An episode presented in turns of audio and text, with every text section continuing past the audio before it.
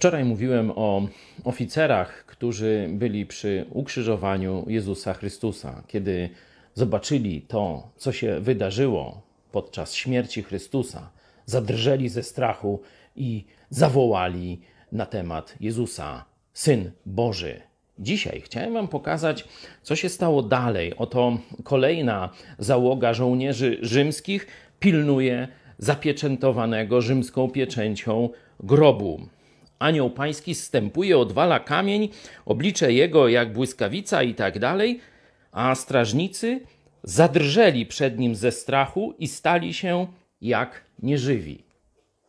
Nie ma nic więcej w Biblii o tym, e, co stało się z nimi, co oni dalej mówili i tak dalej. W Ewangelii Jana jasno jest napisane, że nie wszystkie rzeczy są opisane.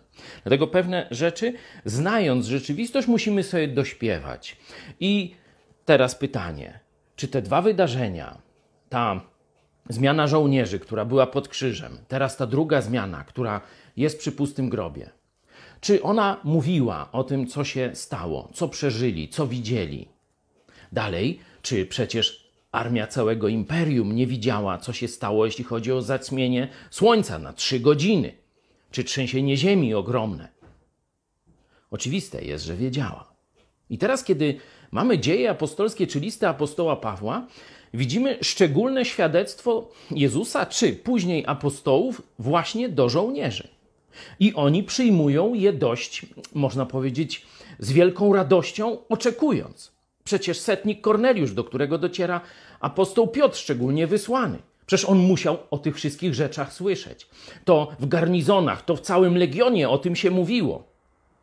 I teraz przychodzi do niego apostoł Piotr i mówi mu o znaczeniu śmierci Jezusa. I on od razu wierzy. Apostoł Paweł, aresztowany i siedzący w więzieniu w Rzymie, mówi, że dzięki jego świadectwu cały garnizon pretorian usłyszał Ewangelię.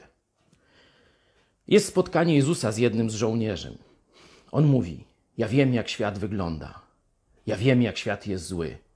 Ja niosę ciężkie brzemię moralne, bo rozkazuję ludziom. Dlatego nie jestem godzien przyjść do ciebie.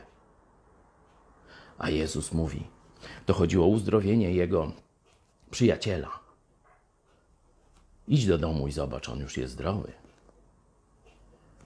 Jezus Chrystus bardzo jasno i szczególnie odwołuje się do żołnierzy, czyli dzisiaj można powiedzieć do służb mundurowych, bo wie, że ci ludzie są blisko prawdziwej natury świata, są blisko zła.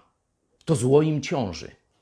I dlatego mogą jeszcze lepiej zrozumieć wspaniałość wyzwolenia od tego ciężaru grzechu, jaki oferuje Jezus Chrystus.